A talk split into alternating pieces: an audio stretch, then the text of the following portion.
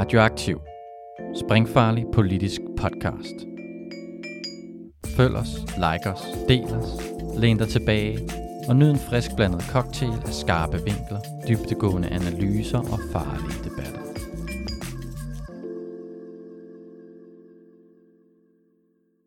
Velkommen til Den Faglige Klub, Radioaktivs podcast om arbejdsmarkedspolitik og faglig gang.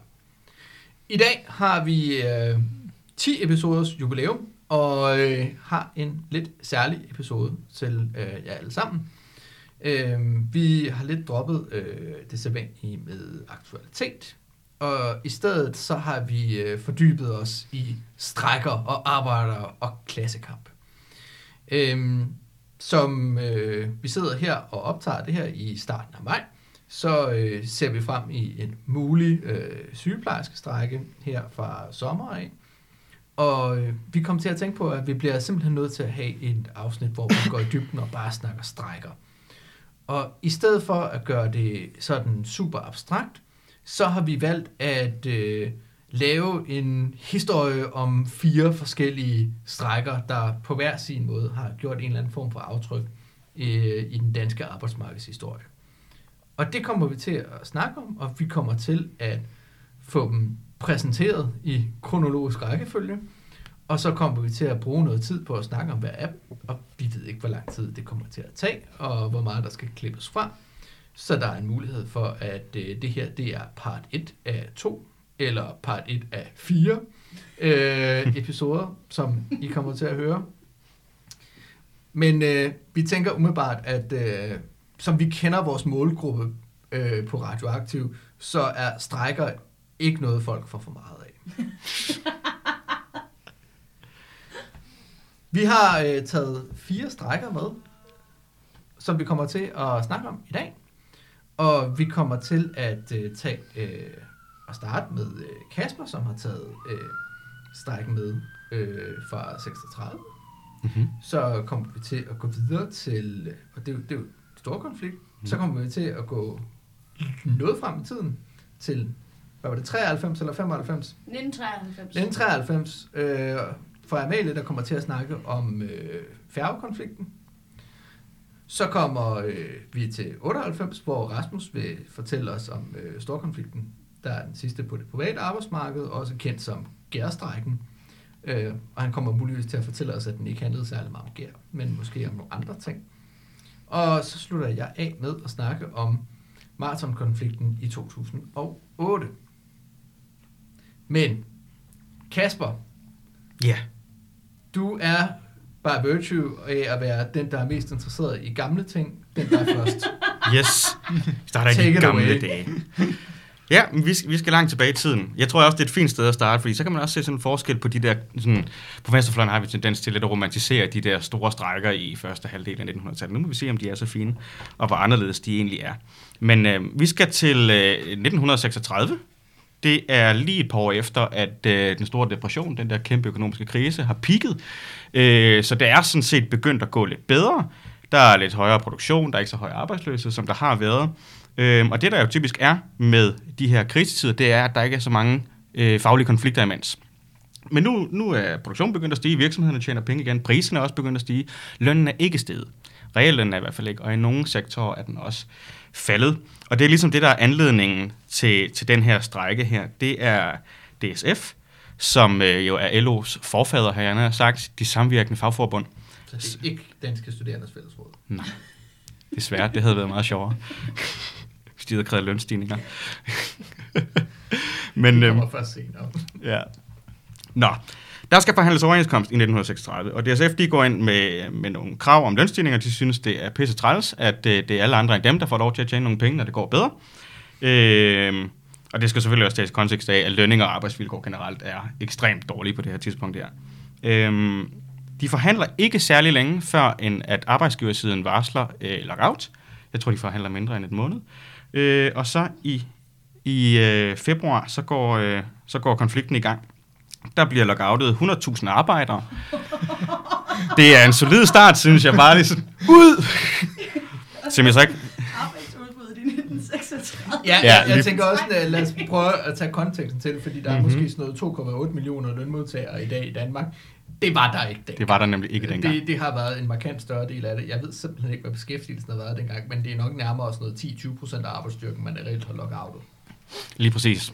Det er en rigtig, rigtig stor andel. Man skal også huske på, at der var markant færre kvinder på arbejdsmarkedet, som vi også skal regnes med. Ikke? Så det er en rigtig stor andel af, af alle dem, der er, der er i arbejde, der bliver lockoutet. Til gengæld var konflikten ikke særlig lang tid. Den var, øh, den var to uger, øh, og så kommer der et meldingsforslag fra forlismanden, som går på sådan nogle moderate forbedringer af lønnen, hovedsageligt i bunden. Og det siger arbejde, øh, hvad hedder det, arbejdersiden, de stemmer ja, øh, og arbejdsgiversiden stemmer nej. Og det synes jeg også er helt vildt interessant, fordi det er jo ikke noget, vi ser så meget til længere. Men det er, det er igen øh, arbejdsgiversiden, der står meget på sådan, nej, de skal ikke have en krone med løn. Øh, det betyder så, at, øh, at regeringen ligesom bliver nødt til at tage handling. Det er Stavning, der er, der er statsminister på det her tidspunkt her, og han vil, vil gerne ophæve meldingsforslaget til lov. Det kender vi jo. Det kan han ikke helt få flertal for. Øh, I stedet så, øh, så laver man en tvungen voldgift, som basically beslutter det samme som meldingsforslaget. Så moderate øh, sådan lønstigninger hovedsageligt i bunden. Og nu kan jeg ikke huske det præcise citat, men det er noget med, at Dansk Arbejdsgiverforening skriver en pressemeddelelse, at de på ingen måde kan tage ansvar for den kommende varefordyrelse. Meget, meget bitre. øhm, og det er sådan set det. Altså det skal siges, at jeg har haft meget svært ved at finde øh, særlig mange kilder på de her lidt ældre konflikter. Mm. Så det var nogenlunde det, jeg kunne finde. Men, øh, men jeg synes, det er interessant af flere grunde. Først og fremmest det der med, at da jeg undersøgte det her, sådan, det er øh, storkonflikten i 1936 er et fint eksempel på, at øh, cirka indtil 1950, de fleste storkonflikter starter med lockout. Altså Mm. det, det er som regel arbejdsgiversiden, der starter konflikten, og er sådan de mest konfrontatoriske. Det synes jeg er meget interessant. Og så er der selvfølgelig hele den der vinkel med et, et lovangreb til arbejdernes fordel. Det tror jeg, der er mange lønmodtagere i dag, der, der, der vil tænke, hvad er det? øhm, og så er der selvfølgelig måske også, hvis man skal lære lidt i dag i forhold til coronakrise, sådan noget hele forholdet mellem øh, en økonomisk krise og være i kølvandet på en, en økonomisk krise, øh, og hvordan det påvirker konflikter øh, og sådan nogle ting der. Så det kunne jeg godt tænke mig at snakke lidt mere om. Jeg synes, det er så vildt, at man vælger at logge af det øh, 100.000. Men der var jo også en tendens til, der i sådan, øh, de tidlige år, hvis man skal sige det på den måde, øh, hvor at det var netop helt vildt mange, der blev lockoutet, hver gang der opstod en konflikt.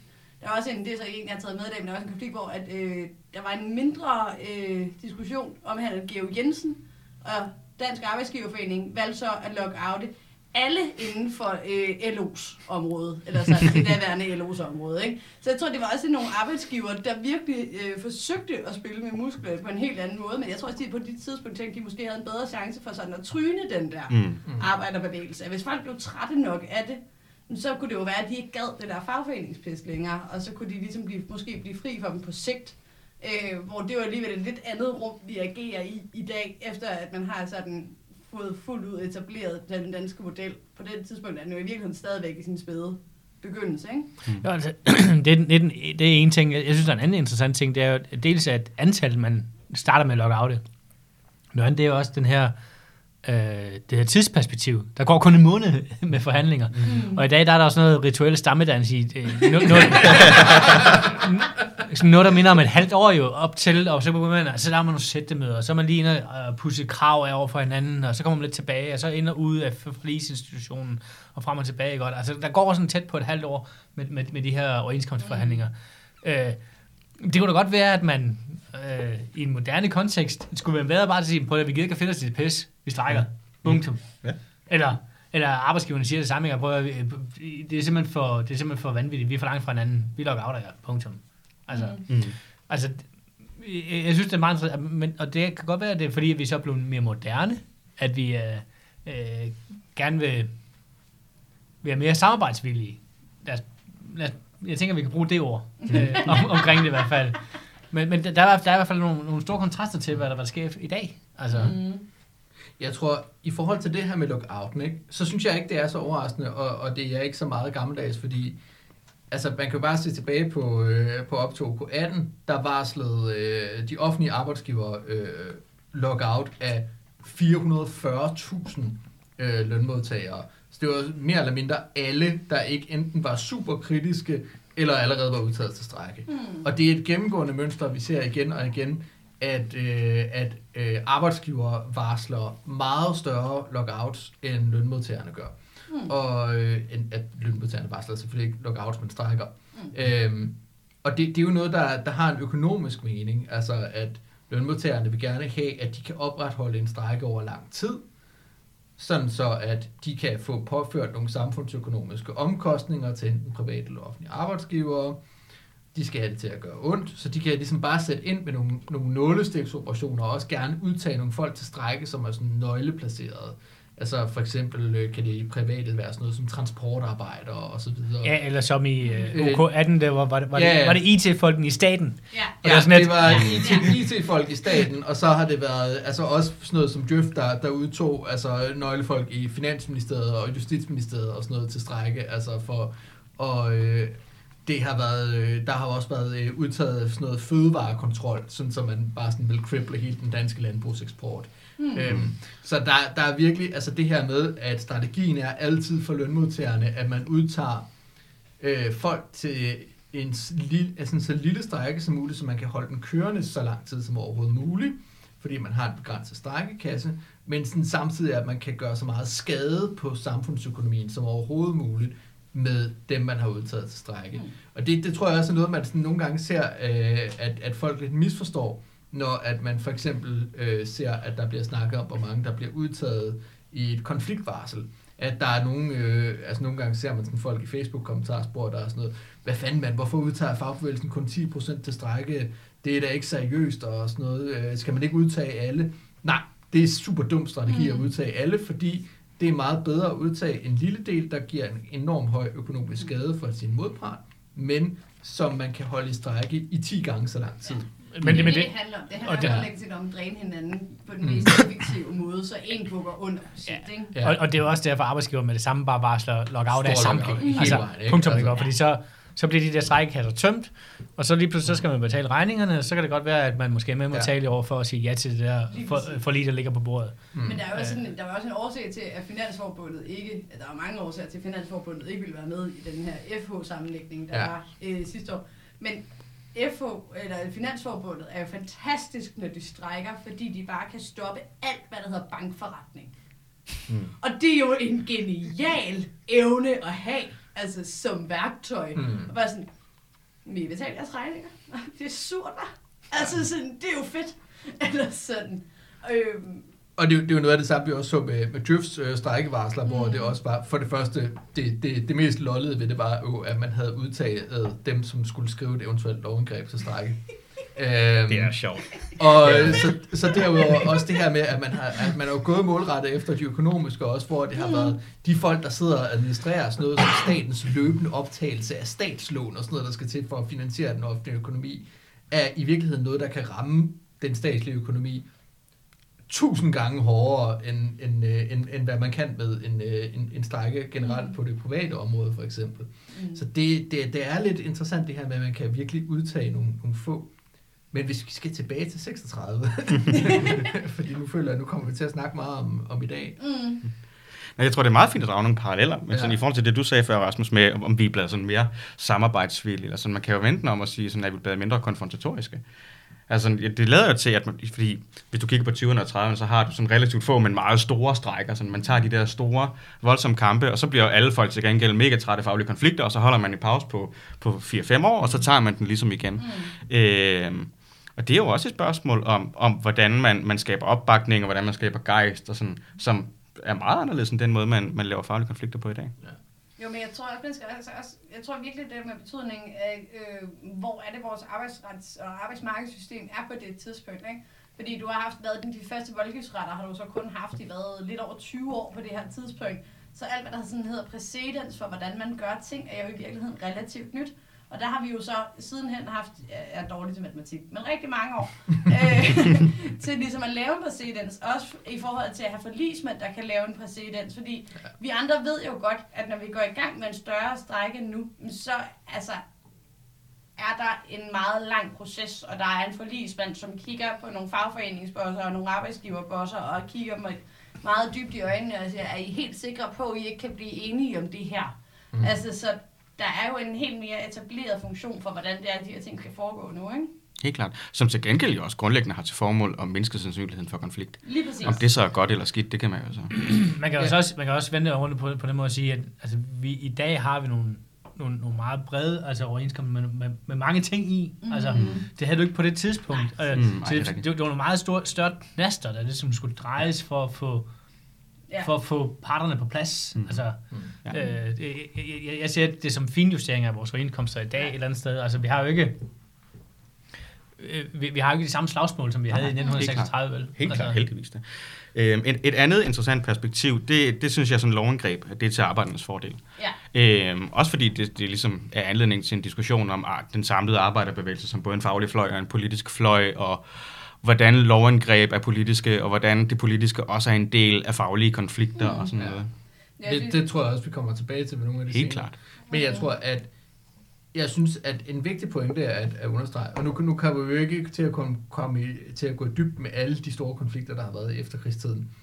Men jeg tror, at nogle gange, så skal folk også lige passe på at, at tænke, at det her med lovindgreb altid er noget, hvor at øh, arbejdsgivere trumler lønmodtagerne Præcis. eller et eller andet. Fordi der, der tror jeg, at man har lidt for meget fået øh, sådan internaliseret en, en eller anden form for sådan for lektion fra, øh, fra Ja, lærerangrebet præcis. i 2013, mm. Mm. og i mindre grad fra, øh, fra, fra storkonflikten i 98. Men det er også Øh, fordi... men fordi der, der har jo været en lang tradition for, mm. at lovindgreb prøvede at komme folk i møde, øh, og, og har altså øh, nogle af de, af de store øh, forbedringer af sådan noget som, øh, som arbejdstid, som vi har fået mm. Mm. i Danmark, dem har vi jo faktisk fået gennem lovindgreb. Mm. Ja. Men det Præcis. er jo også huske, altså sådan, at, at, at lærerkonflikten 13 har helt 100% sat sin spor i forhold til den Mm. generelle diskussion omkring betydning af lovindgreb. Men det var jo også fordi, at det der virkede så koordineret, Ja. ja. hele det man stod i, at det virkede til at være et setup, der på en eller anden måde var planlagt fra starten. Ikke? Øh, og det er jo ikke sådan, lovindgreb normalt har været brugt. Altså lovindgreb har jo tidligere netop været brugt til, når man ikke som parter kunne blive enige, forlismanden ikke kunne finde en løsning, så i aller sidste ende mm. har du så haft øh, lovgiver. Og så netop fordi man ikke ville gøre hele den ene halvdel af samfundet sur på en, så lavede man sådan et nogenlunde kompromis. Ja. Og det var så det, man besluttede sig for i 13, hvor man sagde, fuck det, vi har lavet en folkelig skolereform, der skal gå op. Så øh, nu bliver det sådan her. Og no- noget af det interessante ved det er jo også det her med, at, at øh, der har man jo tit gjort det her med, at man har ophævet mailingsskitsen mm. Mm. til forlig. Men i 2013 for eksempel, der var ingen mailingsskitse, mm. Mm. fordi at forligsmanden jo også bare var sådan, at det her, det er så principielle uenigheder, så der, det er ikke muligt at lave en, En en, en, øh, en, en mellemvej. Der er, der er ikke muligt at lave sådan et eller andet, hvor jeg siger, at det her, det burde de begge to kunne Mm. leve med, for det kan de simpelthen ikke. Og det er jo også Det, det, det der er for, for eksistentielle spørgsmål. hvis vi lige, sådan lige skal drage en øh, parallel helt op til nu, ikke? altså i forhold til Mm. sygeplejekonflikten, så Ja. er det netop også det, der bliver interessant at se nu, fordi at Søren og jeg, vi har jo et vedmål kørende om, hvornår lovindgrebet kommer. Altså ikke Ja. om det kommer, men hvornår det kommer. Om det kommer inden konflikten går i gang, eller efter øh, konflikten er gået i gang. Og Jeg, det, jeg vidste ikke, at vi havde et faktisk vedmål. Jo, jo, men Det jo. kan vi godt... Øh, Jamen, jeg, altså, har, jeg har faktisk efterhånden, jeg har sådan tre flasker panje ude og køre på den her med forskellige mennesker, så det kan godt være, at du er med ind på panje øh, vedmålet, men det er fordi, så kan vi være rigtig champagne-socialister. Det må du selv lige Altså, overveje. jeg, jeg, jeg skal Jeg lige tror på overveje, hvor meget jeg tror på min position. Mm. Men øh, det Fordi ændrer jeg, mit, mit pitch er jo, at det kommer før konflikten går i gang. Mm, præcis. Øh, men det ændrer jo ikke på, at hvis man nu igen har en socialdemokratisk regering, der igen ligger op til et eller andet, der fuldstændig buttfucker øh, arbejdstager, så er det jo i hvert fald interessant, ikke? Øh, så har de da i hvert fald lagt en linje. Altså, jeg, jeg, jeg synes jo, nu har du det med fra 36, som jeg lige husker det, så lavede øh, Socialdemokraterne deres første lovindgreb mod strækker i 33. Mm. Og som jeg, som jeg har umiddelbart har kunnet tælle op, så har Socialdemokraterne faktisk været mere Mm. øh, indblandet i lovindgreb Ja, mod strækker, markant. end, end, end borgerlige regeringer har. Ja, det er også rigtigt. Og, og på den måde kan man jo sige, at der er jo ikke noget, der, der tæller for, at det, der engang var Arbejderklassepartiet, øh, stemmer til fordel for arbejderne. Øh, som Nej, men det er netop interessant, at det har de gjort. Og Mm. kunne principielt også godt gøre det igen.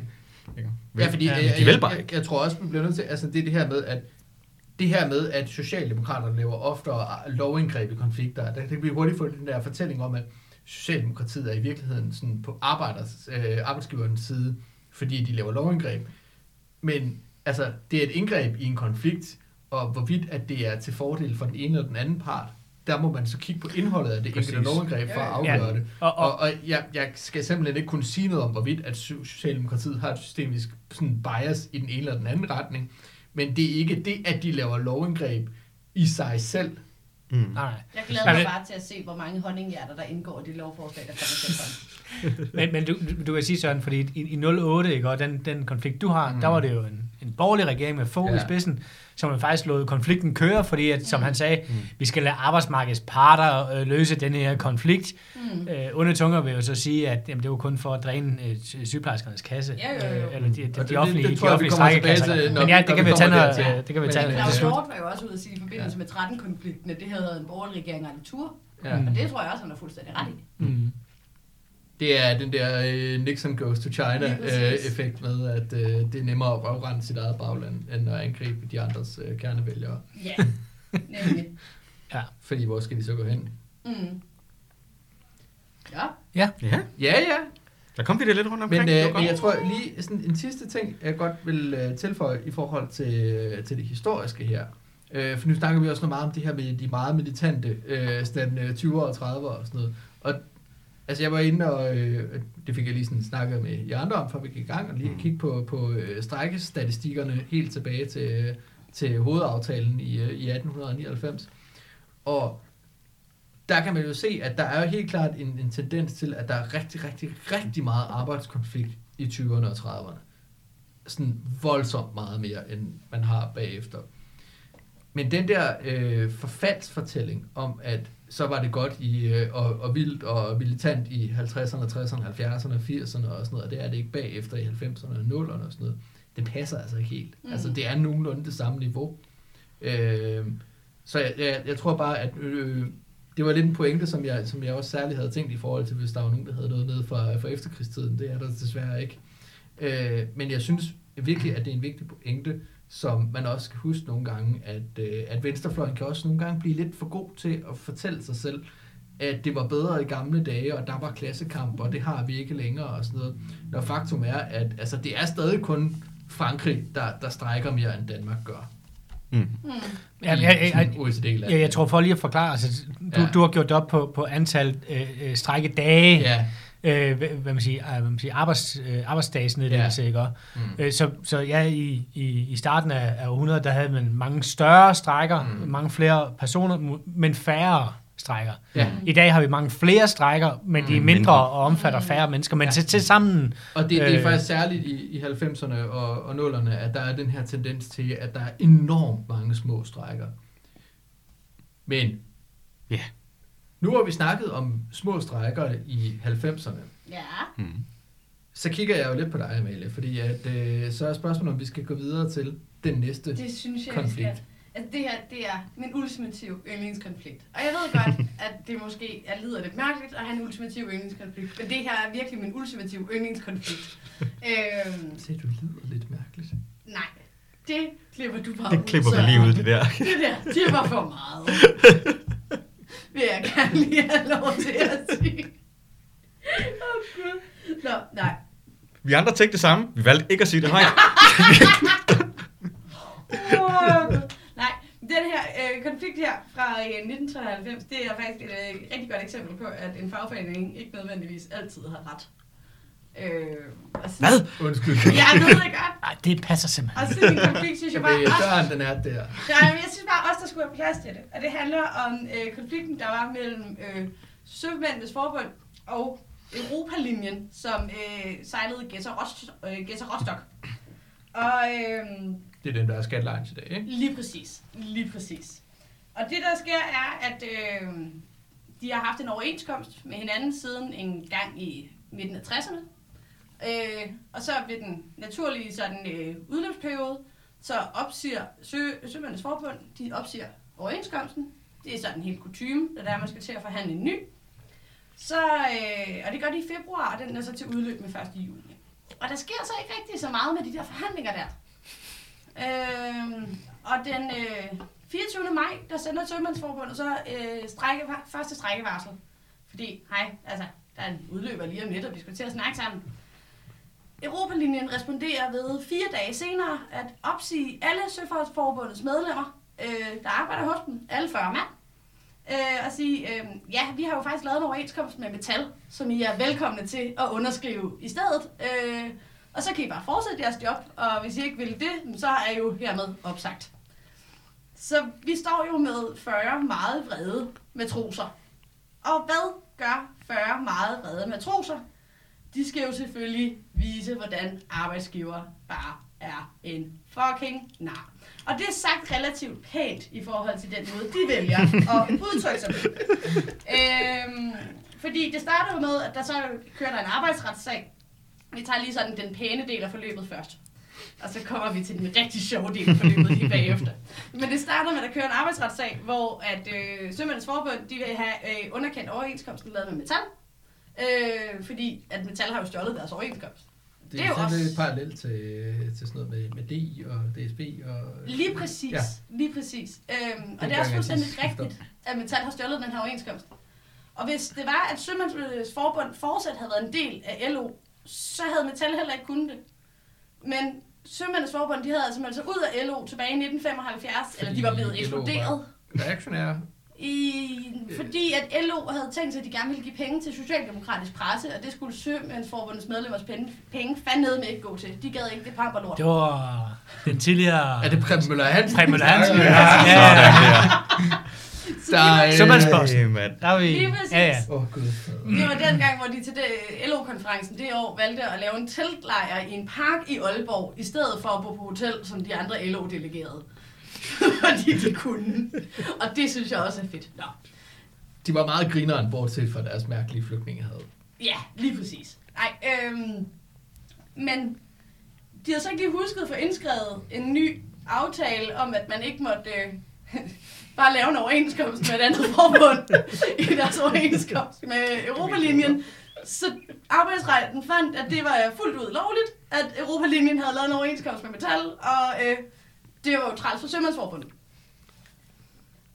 Men altså, det betyder jo ikke, at nogle brede sømænd på den måde accepterer, at der er kommet en ny overenskomst. Og det ender simpelthen i et civilt søgsmål ved højesteret, øh, hvor at Europalinjen søger erstatning. Øh, de valgte kun at søge for øh, 7,8 millioner kroner erstatning, ud af hvad deres opgjorte omkostninger var på 15 millioner 628.631 kroner og 28 øre. Undskyld, men har de sænket en færge? Det kommer der vi til. er, øh, det kommer vi til. Der er blandt andet blevet ansat øh, vagtværn og reparation efter herværksskader på landbaserede installationer i havneanlægget. Så at har der været rengøring og reparation efter herværk, røg og stinkbomber med videre. Overtidsbetaling til personale i forbindelse med forsinkelser og færger. Og så driftstab med, i forbindelse med nedgang i passagerantal, som følge af konflikten. Og så øh, gratis forplejning til passagerer, der blev ramt af forsinkelser. Var inkluderet i de 15 millioner kroner, som man vurderede, der havde været lidt skade. Fabelagtigt. Ja, og øh, hvis vi lige skal sætte det her også lidt ind i en kontekst, så øh, Henrik Berlau, den øh, daværende formand for øh, Sømandens Forbund, han var jo ude at sige, øh, der ville blive krig, hvis øh, rædderiet ikke markede ret. Øh, og i krig er der altid nogen, der dør. Og det var selvfølgelig en henvisning til, at han synes, at rædderiet skulle øh, gå ned. Og så sagt, der er virkelig mange sådan sømandspons liggende inde i det Ma- her Maritime, maritime metaforer. referencer, og det er også rigtig fint. Øhm, men nej, altså der var flere gange blev der affyret øh, raketter mod øh, færgerne. Der var også på et tidspunkt, hvor at øh, de strækkende, de øh, løber ombord på færgen, tvang alle, der var på arbejde, til at møde i messen, og øh, troede med at kølehale dem, hvis det var, at de ikke havde tænkt sig at lytte efter. Altså sådan god gammeldags pirateri. Ja, lige præcis. Altså, jeg mener, nu, nu bliver jeg lidt nødt til at forstå noget. Du introducerede det her som en konflikt, hvor at fagforening måske tog fejl, og så lancerer du det jo bare som the fagforening of my dreams. ja, I know. Men altså, så arbejdsretsmæssigt har de taget fejl. Nej, men altså fucking godt, altså. Ja.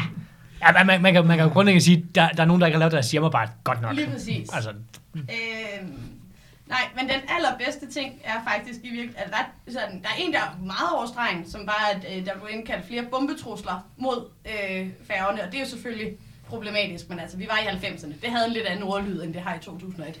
Ja. Øhm, og derudover, så øh, havde de også en tendens til, at de fik fyldt toiletterne med øh, småpumper, øh, øh, isoleringsskum og andet godt til at fylde toiletkummer over med. Og der var også en episode, hvor at de fik overhældt kafeteriet og supermarkedet og øh, spiseområdet på færgen med smørsyre.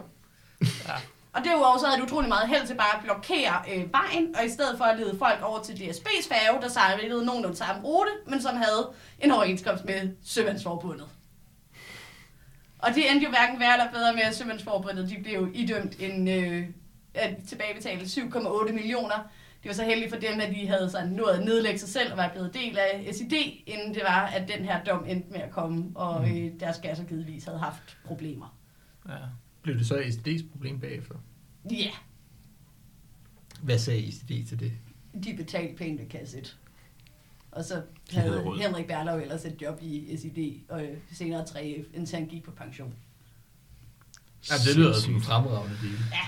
Ej, det er en fed historie. Det er en fed historie! Det er en vanvittig fed historie. Det er den fedeste. Altså, jeg, jeg, jeg tror, Og- at den primære pointe i det her, det er, at uanset hvor meget vi kan sidde og romantisere generalstrækken og storkonflikten og da, da, da, så bliver det bare aldrig nogensinde lige så gode røverhistorier som lokale øh, konflikter. Uh, en øh, lille side note det er også, at øh, Lolland Falsters politi over den 6 måneders periode, hvor at det her varede, der brugte de øh, 3.500 ekstra mandetimer for at holde styr på optøjerne.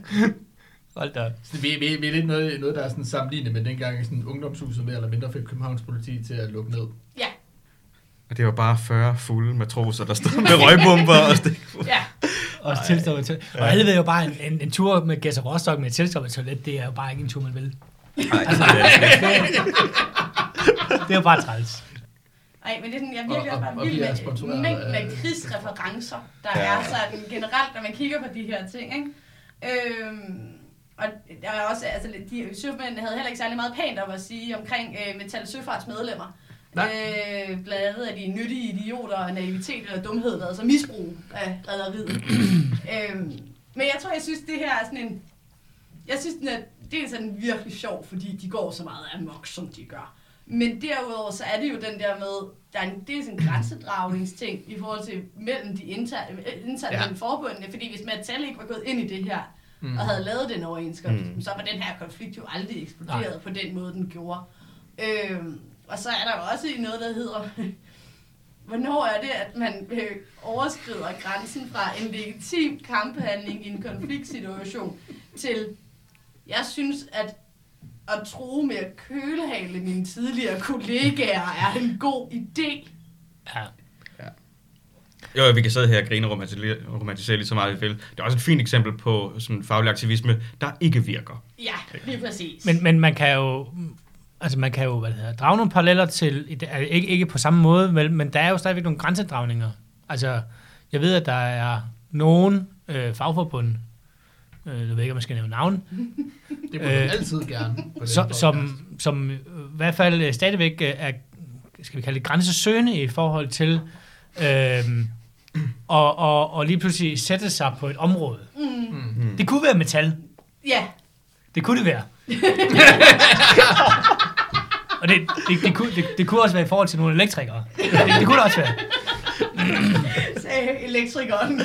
Lettere bittert. Nej, nej, men, men, men altså, det, det, ses jo også i dag, at der stadigvæk er Ja. de her Mhm. issues, hvor det er, at øh, og også som man, man siger, vores jobs har udviklet os, at, at der er flere, øh, hvad man siger, hvor, hvor der er overlap. Altså der er nogle, Mhm. øh, hvad man siger, metaluddannede, der laver det samme som en elektriker, og nogle elektrikere, der Mhm. laver det samme som en metaluddannede, og hvem, hvis forbund er det så, der skal dække øh, rent teknisk.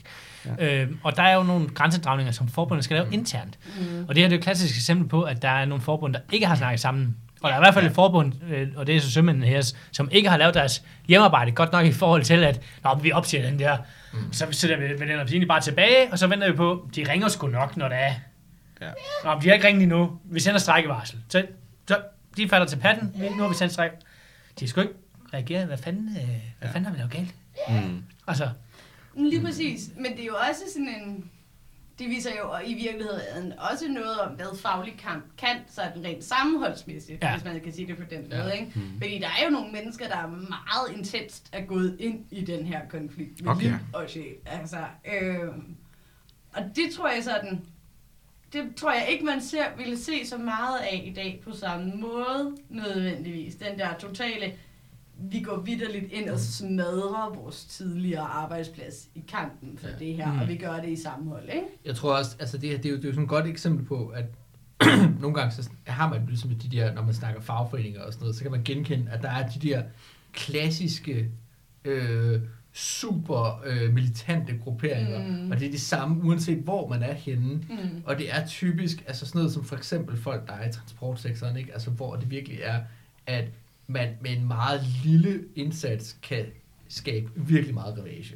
Mm. Altså, og sådan øh, ser vi jo også i dag, hvor at øh, Jernbaneforbundet for eksempel Mm. mm. er, er et af de mest militante forbund, fordi Hmm. at de kan bare sætte hele Danmark i stå ved at lave sådan en, vi møder lige to timer senere på arbejde i dag, ikke? Mm. Altså, og, og det, det er der bare meget få andre forbund, der kan. Og det gør også, at man får en, en, en kultur, hvor at det der med at, øh, at have en mere konfrontatorisk tilgang, det, det Mm. fylder lidt mere, fordi at det, det, det giver generelt lidt mere payoff. Men øh, altså, jeg synes, det er interessant, det der med, at du siger, at Jernbaneforbundet, det sætter Danmark i stå. Mm. Altså, det tror jeg måske er en, en, en, en, en fejlskrivning. Nu, nu, Lars Olsen er jo lige udkommet med hans nye bog øh, Ja. i forbindelse med flere, der hedder Mm. Rige børn leger bedst. Og det er jo dem, som man blandt andet kan se, det er, at arbejderne er blevet pist væk i de store byer. Mm. Og en, en gennemsnitlig arbejder øh, pendler øh, 74,5 km øh, hver dag. Så kan man sige, jeg tror ikke på, at de, bruger, de tager en tog. Jeg tror på, at de bruger bilen, Mm. når de pendler. Så det vil sige, når man sætter Danmark i stå, som Jernbaneforbundet gør, når de sætter S-togene i stå, så er det jo, de sætter Akademikerne i stå. lige præcis. De sætter, Okay, for det første er det der noget gøjl og noget vrøvl. øh, for det andet, så øh, har du tydeligvis aldrig nogensinde hørt om godstransport. Åh, oh, synes, han, Sørens ansigt lige nu er helt fantastisk. Han er så vred over, at han ikke bliver kaldt rigtig arbejder. Det er fantastisk.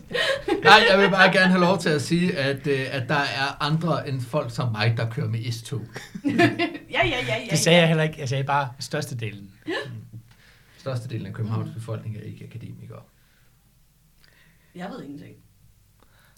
Nå, det er ikke en diskussion, vi skal have nu. Nej. Nej, det tror jeg heller ikke, vi skal. øhm, ej, jeg, jeg, jeg tror, jeg synes, det er en mega fed historie, og, og jeg tror, at øhm, jeg tror også, at altså sådan, der, der er sådan ligesom den der type af fagforening, som er sådan lidt, man kan godt en gang imellem sidde og tænke sådan lidt, de, de mangler måske et eller andet i sådan, i det der mere sådan professionelle, seriøse fagforeningsgame, men som til gengæld er fuldstændig vanvittigt stærke i forhold til altså det aktivistiske og, og det militante. Mm. Og organisering, ikke? Og jeg ja. tror, at det, det er sådan lidt sjovt, fordi man, man kan have svært ved nogle gange sådan helt at sætte sådan fingeren på, hvad man synes om de der typer. Mm. Øh, fordi jeg tror også, man skal tænke på, at altså, det er jo helt reelt at være at sige, selvfølgelig øh, handler det her om, at, øh, at øh, altså, den, den, den primære hovedfjende i det her, det er jo selvfølgelig, øh, og nu er jeg faktisk lidt i tvivl, fordi der er en mulighed for at udnævne metal til øh, men det er jo, det er jo rederiet og alternativt metal. Øh, og, og, men, men, men der er jo også et spørgsmål om, at, at hvis den her fagforening havde, altså sådan, nu havde bare været sådan et minimum af kompetente, øh, så var det her jo aldrig sket. Altså, så havde de ikke haft behov for at brænde deres gamle arbejdsplads ned til grunden med smørsyre. Jeg tror i virkeligheden, at det handlede meget om, at, at Sømændenes Forbund lige pludselig stod i en helt ny verden, de ikke havde stået i før. Og de stod mm. med en genre af arbejdsmarkedet, fag, som var Mm. ved at blive voldsomt presset, og i virkeligheden nok ikke vidste, hvordan de skulle forholde sig til det. Så det er sådan, vi skal også huske der i slut 80'erne, starten af 90'erne, det er jo der, ja. kimen bliver lagt rigtig meget til. SID vokser så meget, som SID gør. Øh, og senere bliver til 3F i, i forbindelse med sammenlægningen med KD. Ikke? Ja. Øhm, så det er jo der, hvor mange af de små forbund finder sig selv, at de lige pludselig rent faktisk ikke kan understøtte den mængde af aktivitet, de har haft før. Men, men jeg synes også, der er noget interessant, fordi det, det vil heller ikke for, foregå i dag i forhold til eksklusive aftaler. Nej, Fordi præcis. det, det der med, at man kan fyre folk kun på grund af deres fagforeningstilknytning, Mm. Det, det, vil du ikke, det, det vil du ikke kunne se i dag jo på samme måde. Altså, Nej, nej, men altså, de Der- fik muligheden af at blive genansat under den anden overenskomst. Ja, men, men, Ja. men, men i dag vil du jo bare lave, så laver vi bare en overenskomst med nogle nye, Mm. Og så, så er det jo dit eget valg, om du vil være medlem af den fagforening, som så dækker den overenskomst. Mm. Men altså, jo, jo, jo, bestemt. det, det var blandt det, man så på transportområdet, Ja. jo. Altså, Ja. som du henviste til, med, det- med, hvor, hvor de over til dansk industri i stedet Ja. for. Ja, men det, det er også lidt, lidt noget andet, fordi man kan sige, at de har ikke skiftet forhandlingspartner i fagbevægelsen, de har skiftet arbejdsgiverorganisationen, mm. og Mm. dermed har de skiftet forlig. Ja. Så Ja. det er sådan lidt en anden struktur, hvor at Metal faktisk for en gang skyld ikke har gjort noget. Jo, jo, men, men du, du ændrer overenskomster, altså Ja, du ændrer præcis. overenskomsterne, og så kan man sige, øh, man forringer dem, i hvert fald. Ja, når- Ja, også fordi, at så snart du skifter arbejdsgiverforening eller øh, fagforening, hvad end det er, man øh, skifter aftalepart i, så ryger der jo alt, hvad der, der hedder kutymer og øh, fælles forståelser Mm. og fælles Lokalaftaler. Alle Ja, lokale, ja, ja. altså sådan. Så det er jo i hele dit fælles grundlag, som faktisk, som man jo i det her tilfælde havde brugt 40 år på at opbygge, som man, de jo smider væk over øh, en relativt kort periode. Ja. Og jeg kan da godt forstå, at Sømandsforbundet har været helt enormt frustreret over at stå i den situation, de stod i. Mm. Hvis man sådan, kigger fra mit sådan, faglige perspektiv på det, så synes jeg også, at det her det er en rigtig interessant dom. Både dom fra arbejdsretten og også dom fra højesteret, fordi den er jo med til at sætte der er jo nogle regler for, hvornår en konflikt kan erklæres ulovligt. Altså, der er nogle åbenlyse, som er, at den er ikke blevet varslet i tide. Men der er også det, at man bruger ulovlige kampskridt i en konflikt. Øhm, hvis vi tager Vejlegården som eksempel, for eksempel. Ja. Øhm, så det, at man sagde, at der ikke måtte blive leveret post, men at de kunne hente posten på posthuset, det måtte man gerne. Det gjorde bare deres liv mere besværligt. Øhm, men de må, man måtte også gerne lade være med at levere sodavand og øl, fordi det kunne de jo tage andre steder hen selv og købe. Mm. Men da man sagde, at øh, der ikke ville blive hentet affald, så Ja. er det et ulovligt kampskridt, Mm. fordi, Fordi du kan ikke drive en restauration sundhedsmæssigt ansvarligt, hvis der øh, ligger bunker af affald. Der, er, der er en lovmæssig forpligtelse til, Lige at det skal bare ske. Og Ja. derudover så var det også ulovligt, at man opfordrede til, at folk skulle lade være med at spise der. Hvorfor er sådan en- alverden er det det? Det Fordi man ikke må øh, opfordre til kundestop. Du må godt opfordre kunder til at sige, hej, har I overvejet at spise på de her fire overenskomstdækkede restauranter i Vejle? Undskyld, Men du må det ikke ikke skrive- bare, altså, hvad, hvorfor? Det er fordi, at der er sådan en, øh, en notion om, at selvom man ligger i konflikt med hinanden, skal man stadigvæk til en vis grad opføre sig ordentligt. Og der var det jo meget sådan, Henrik Berlovs udtalelser var jo meget, meget, meget markante. Men han mente jo i virkeligheden ikke, at han havde opfordret til noget som helst. Han sagde jo bare, at han havde jo ikke på sådan... Det, han havde udtalt, at han syntes, at rædderiet skulle gå for lidt, det var jo ikke, fordi han havde udtalt, at rædderiet skulle gå for lidt. Det var jo, fordi han mente, at folk skulle overveje at bruge en anden færge. altså sådan, Og det, her, det har de jo så tydeligvis også meget konkret fået folk til. Lige præcis. Altså sådan, så der er sådan det der med, at, at du må selvfølgelig gerne ramme hinanden på pengepunkten, men du må ikke aktivt decideret forsøge at ødelægge øh, den andens forretning ved, at der ikke kan tilgå ja. nye kunder til den. Øhm, og der er det jo meget fint at have sådan en her dom, der dels er sådan, hvad kan man tillade sig at sige pressemæssigt, når du Mm. ligger i en konfliktsituation, og Mm. også, vil, hvornår er det, vi krydser grænsen for ulovlige kampskridt. Men, men det har vi jo, det har vi jo set utallige andre eksempler på Ja, også. ja, ja, præcis, men ikke nogen, der er helt lige så sjov som den her. Nej. Nej. Men, men jeg tror, at, at det måske i virkeligheden mere er, er relevant at tage en diskussion om, at en ting er det her med, med ulovlige kampskridt, men spørgsmålet er også mere, hvad, hvornår er det, at man internt egentlig som, som fagbevægelse tænker, at nu har man måske, altså for lovgivning, men altså sådan, Mm. hvornår har man ramt en, en moralsk grænse for, Ja. øh, for, øh, for ens kampskridt? Mm. Præcis. Klar. Nu, nu, nu siger jeg bare lige noget, det, det kan du godt klippe ud, hvis det er. Ja. Øh, var der ikke noget i forhold til Ribus-konflikterne også, Jo. hvor Jo. øh, fagforeningsformanden, den fik, de fik en kæmpe bøde for noget, Ja. han havde udtalt, Jo. hvor han så til et senere kongres modtog, var det 13 minutter stående applaus.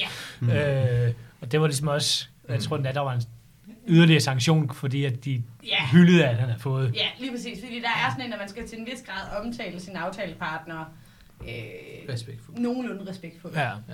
Øh, Og det er jo også det her med, altså sådan et, et, et element i hovedaftalen, er jo også, at, at organisationerne har fredspligt. ja, lige præcis. Og at de har Mm, en, ja. en, en øh, juridisk forpligtelse til at prøve at deeskalere alle konflikter. Præcis. Men man kan sige, at i den her situation har øh, Sømændenes Forbund jo i virkeligheden ikke nogen fredspligt som Nej. sådan. Øh, altså sådan. Fredspligten er ophørt i og med, at der ikke er nogen overenskomst. Præcis. Ja.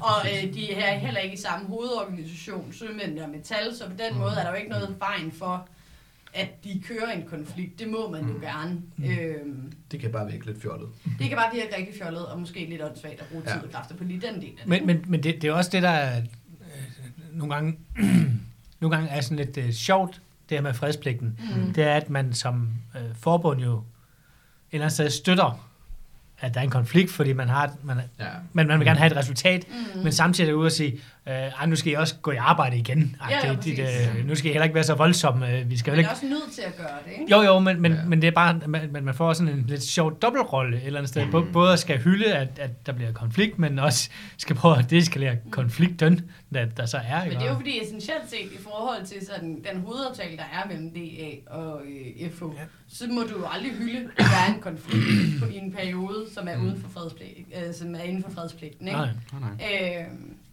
at man så måske ideologisk kan have nogle andre overvejelser og synes nogle andre ting er interessante. Det er jo så noget andet. Øh, men essentielt set, så skal man jo opføre sig ordentligt. Når man lavede en aftale, skal det jo til at være stole på, at man har en aftale. Og det har man jo lige så stor interesse i som arbejdstager, som man har som arbejdsgiver. Ja. Mm. Og med den Og på den note, så vi kommer vi ikke til at snakke om rebuskonflikten. Nej, det gør vi ikke. Det synes jeg faktisk er øvrigt et, et vidunder, at der er ingen af os, der har taget rebus. Jamen, jeg har overvejet Ribus virkelig meget, men jeg kan bare meget jeg kan bedre lide den her. Jamen, den er god. Ja, Den er god. men det er det. Jeg, jeg tror, jeg føler Den kan på, på en eller anden måde, ikke? så er det her rebus-konflikten sådan i, i sådan en hipster edition. Fordi uh, det er bare sådan, rebus-konflikten er der alligevel sådan så sagt mange, der har hørt om. Og det her, det er sådan, det, det, har noget det samme i forhold til, Mm. til, til det høje øh, sådan, øh, sådan voldsniveau. Men, øh, men er bare noget, hvor man er bare sådan lidt, altså sådan, jeg ved ikke med, med andre, men sådan, jeg havde aldrig nogensinde hørt om færgekonflikten i 90'erne. Nej. nej. Nej, men, men jeg synes også, det er, et godt, det, det er et sjovt eksempel på, hvor det er, at fagbevægelsen skyder sig selv i foden. Jo. Ja, Ja, ja, lige Øh, øh, altså, Ja. Nå, Altså, også fordi, Hvis man taler om at, alt det, vi lærte af Vejlegården, det er bare Vejlegården på st- ekstremt meget speed, det der. Ja. Ja. Nå, men også fordi det jo bliver sådan en, hej, der er to fagforeninger, som, der er en overenskomst på den Ja, her præcis. virksomhed, øh, og nu er der så to fagforeninger, der slås om at have overenskomsten, og virksomheden øh, har svært ved at fungere, fordi at de to fagforeninger slås. Ja, lige Så. præcis. Ja, der, der, der bliver sådan et, øh, lidt sådan people from of Judea over det der med, Lige med sådan to fagforeninger, der slås om, hvem det er, der er dem, der skal forhandle for medarbejdere Ja. mod arbejdsgivere. Det er meget svært at se den egentlige faglige kamp i det der. Altså, Ja. Hvad det egentlig er, man kæmper for. Ja, Ja, og, og jeg tror, at det, det sjove ved det er, at der er jo, se, der er jo givetvis et motiv for, at, at, øh, at, øh, at Eurolines, eller hvad fanden det nu det hedder, Europalinje. Europalinjen, Meget mere dansk. Et eller andet, fuck det. Øh, at de vælger at lave aftale med metal. Altså, det er jo sikkert fordi, at, øh, at det er billigere for dem. Helt sikkert. men jeg Eller er måske, at lidt- øh, Er metal er lidt mere samarbejdsvillige. Ja, jeg skulle lige til at sige, jeg har simpelthen overvejet, om det også bare er, fordi de synes, at Sømandsforbundet var helt utrolig irriterende.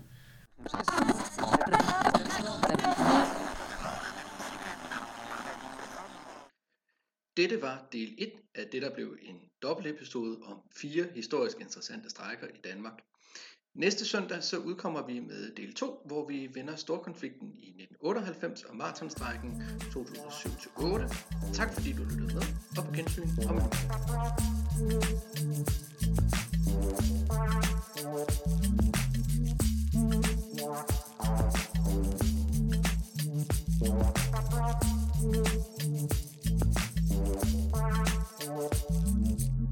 Oh ja. Inden du smutter, husk nu lige at følge Radioaktiv. Vi er på Facebook, Twitter, på SoundCloud eller i din podcast-app. En række af vores podcasts udkommer også som video på YouTube. Du må også gerne dele os med dine venner. Hvis du er ellevild, så kan du gå ind på solidaritet.dk og blive medlem af vores medie.